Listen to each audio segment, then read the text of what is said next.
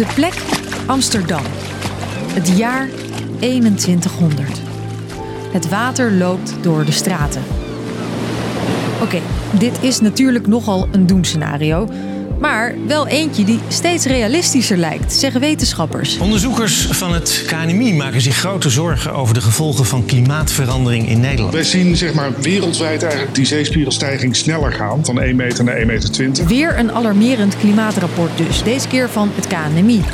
Wat zijn de hoofdpunten en krijgen we echt natte voeten aan het einde van deze eeuw? Ik ben Chrisje en ik leg het je uit. Lang verhaal kort. Een podcast van NOS op 3 en 3FM. De zeespiegel stijgt. En ik hoor je al denken, ja, dat weten we toch al. Maar Ja, nieuw onderzoek laat elke keer weer zien dat, dat het erger is. afgelopen zomer kwam het IPCC-rapport uit. Een gigantisch pak papier van wetenschappers van over de hele wereld die in het VN-klimaatpanel zitten. Climate change is here now, but we are also here now. And if we don't act, who will? Toen werd ook al gezegd dat de zeespiegel maximaal een meter kon stijgen tot het jaar 2100. Maar volgens het KNMI, het Nederlands Weerinstituut, gaat het dus veel sneller, omdat we met z'n allen meer schadelijke stoffen uitstoten dan we hebben afgesproken.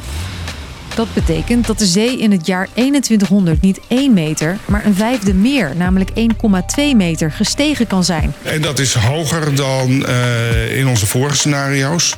En dat klinkt misschien niet zo heel erg veel, 20 centimeter extra, maar de gevolgen zijn groot. Je moet zorgen dat de, de dijken zeg maar, eh, wat, wat hoger worden.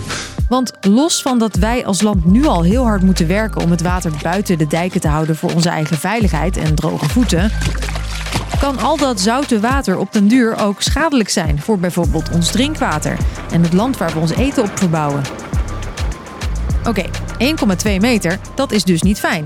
Maar er is nog een donkerder scenario. Als er nog minder wordt gedaan tegen klimaatverandering, dan gaat die grafiek nog sneller, nog harder omhoog. En kan de zeespiegel wel met 2 meter stijgen. Dat heeft te maken met het ijs op Antarctica. Dat bij een warmer wordende oceaan sneller smelt, afbrokkelt en in de oceaan terechtkomt.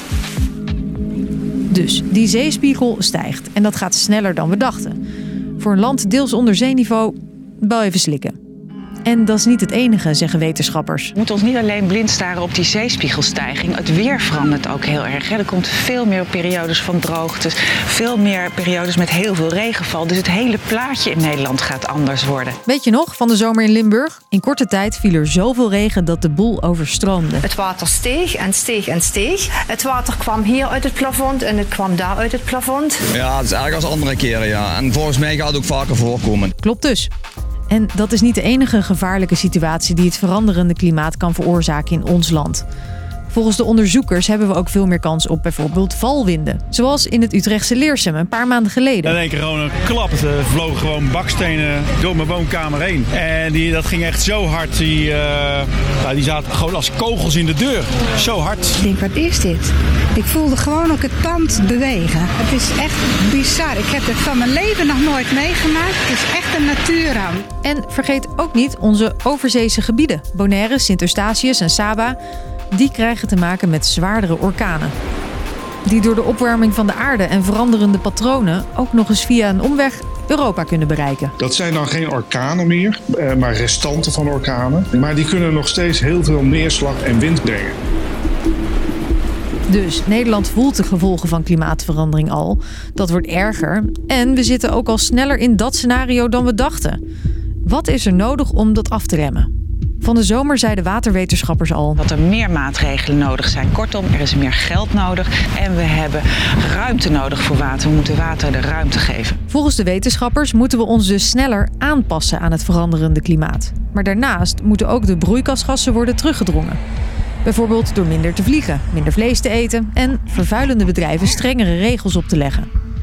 Allerlei maatregelen waarmee we ervoor kunnen zorgen dat de wereld niet verder opwarmt dan die anderhalve graad, zoals in Parijs zes jaar geleden is afgesproken, zegt ook het KNMI. Alleen hebben we niet zoveel tijd meer om dat te realiseren. Want dan mag je nog maar maximaal 10 jaar uitstoten wat we op dit moment uitstoten. Dus eigenlijk moeten we nu al heel snel naar beneden. En ja, volgende week in Glasgow wordt eh, de conferentie gehouden die daarover gaat. En over die klimaattop in Glasgow en de klimaatafspraken die toen in Parijs zijn gemaakt, Daar hoor je later deze week meer over van ons.